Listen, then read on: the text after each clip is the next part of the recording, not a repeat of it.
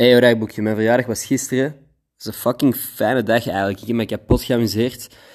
Samen met Claudia een hele dag gespendeerd. Zij had een hele dag gepland. Letterlijk in de ochtend facial gedaan, pedicure rond drie uur. Dan in de avond heeft ze mij nog een manicure gegeven. Het was echt een volledige self-care dag. Of toch, self-care, zij heeft voor mij gezorgd. Fucking, fucking zalig. Daarna, en daartussendoor eigenlijk, ben ik naar de Mechanic gegaan. Dat is een stripboekwinkel hier in Antwerpen, waar ik wat comicbooks heb opgepikt. En die heb ik dan tijdens de pedicure gelezen. Dus yo, ik heb niks van berichten beantwoord de hele dag. Alleen die van de gabbers, uh, die mij ook een gelukkige verjaardag wensen. Ik heb... ben nergens anders mee bezig geweest dan gewoon met Claudia en mij te relaxen, te, amuseren. Dat is echt, echt heel fijn. Even nergens aan denken. Cool. Want weet je wat mijn probleem een beetje is met verjaardagen?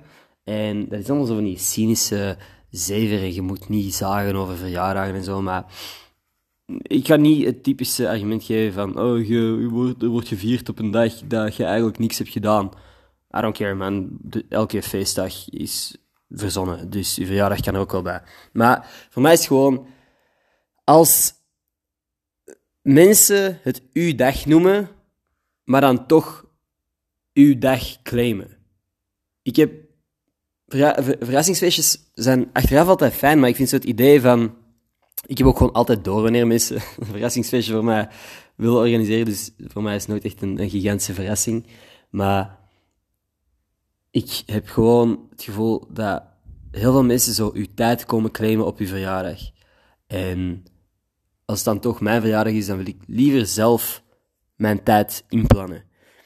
En ik heb de afgelopen jaren niet altijd het gevoel gehad dat ik dat kon doen. Letterlijk, wat Claudia nu voor mij georganiseerd heeft, was ook gewoon in samenspraak met mij. Zij vroeg, zou ik het leuk vinden om dit te doen? En ik zeg, sure, let's do it. Omdat ik alleen maar dingen wou doen die ik echt graag wou doen. Met mensen die ik graag zag. En ik weet niet, ik denk vaak dat mensen zo, zo'n dag als die verjaardag vol willen plannen met hun eigen agenda. En feestjes willen organiseren ook gewoon omdat zij dan die dag kunnen spenderen met, met diezelfde groep die je op elk feestje ziet. En feesten op de kosten van iemand anders. I don't know. Misschien, ik, heb, ik heb misschien gewoon te veel houseparties gegeven waar ik uiteindelijk niet echt ongelooflijk veel plezier heb had gehad. Uh, en dat mensen een duur begonnen te verwachten dat ik wel een houseparty zou geven. Maar ik, ik heb het gevoel gehad dat dit een van de eerste verjaardagen was waar ik echt... Dat voelde echt als mijn dag. En ik, ik wens iedereen dat toe. Dat je niet het gevoel hebt van, ah shit, ik moet ook die uitnodigen of uh, tijd spenderen met die persoon op mijn verjaardag, omdat die anders pis gaat zijn, of, of het gevoel gaat hebben dat ik die niet even graag zie als deze andere mensen.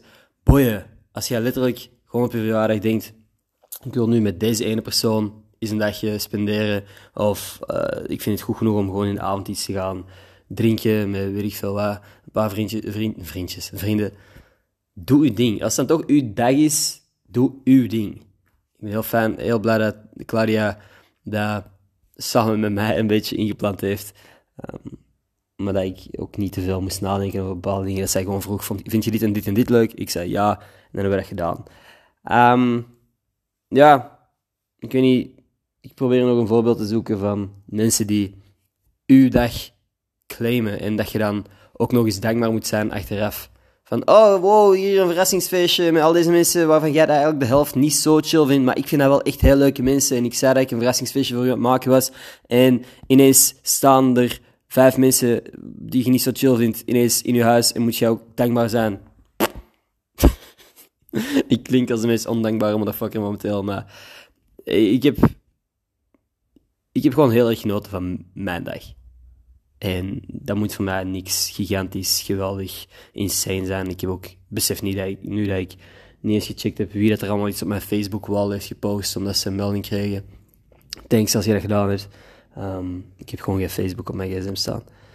Uit. Dat zit denk ik. Ik vind dat zo lame om negatief te doen over verjaardagen, maar dat is mijn probleem met verjaardagen. En dat probleem heb ik dit jaar niet gehad. Uit. Kom je.